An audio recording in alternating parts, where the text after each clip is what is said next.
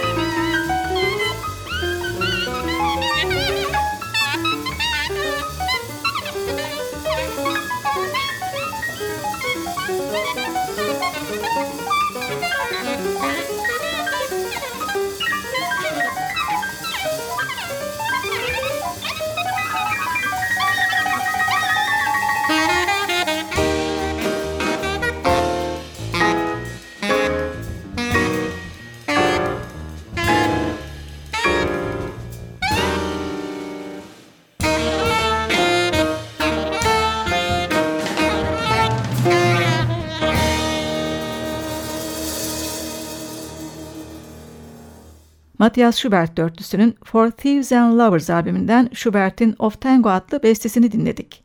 Almanya'dan Fransa'ya geçiyoruz. Avantgard ve elektronik cazın genç kuşak yorumcularından tenor saksafoncu Julien Luro, 2002 yılına ait The Rise albümünden aynı adlı bestesini seslendiriyor. Yanındaki usta müzisyenler, piyanoda Boyanze, basta Henri Taxier, davulda Ari Hönek. Luro'nun parçadaki yorumu, John Coltrane okuluna ait olduğunun bir kanıtı.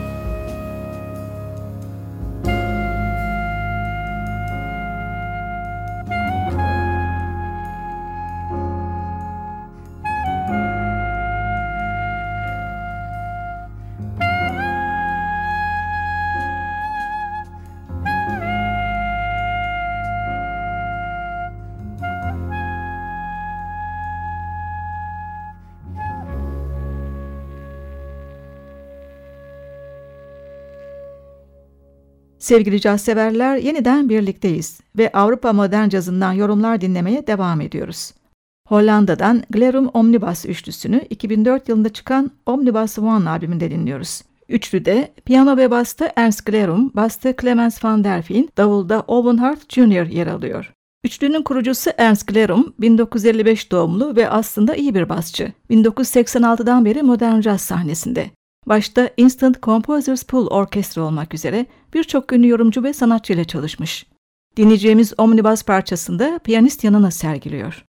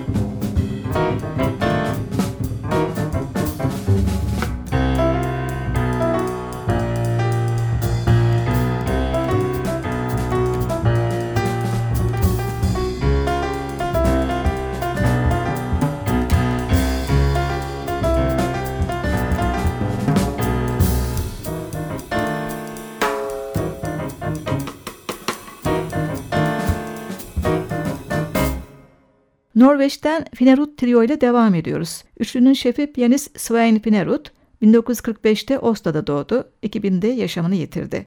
Ölümünden sonra yaptığı tüm çalışmaları dizi olarak yayınlandı. Paul modern trio anlayışını benimseyen Finerut, 1967'de henüz 22 yaşındayken ilk üçlüsünü kurdu ve başarıyı hemen yakaladı. 1980'den sonra kurduğu ikinci üçlüsünü ise basta Björnar Andresen, davulda Svein Christensen oluşturuyor. Şimdi 1994 yılında çıkan Travel Pillow albümünden aynı adlı ortak parçayı dinliyoruz.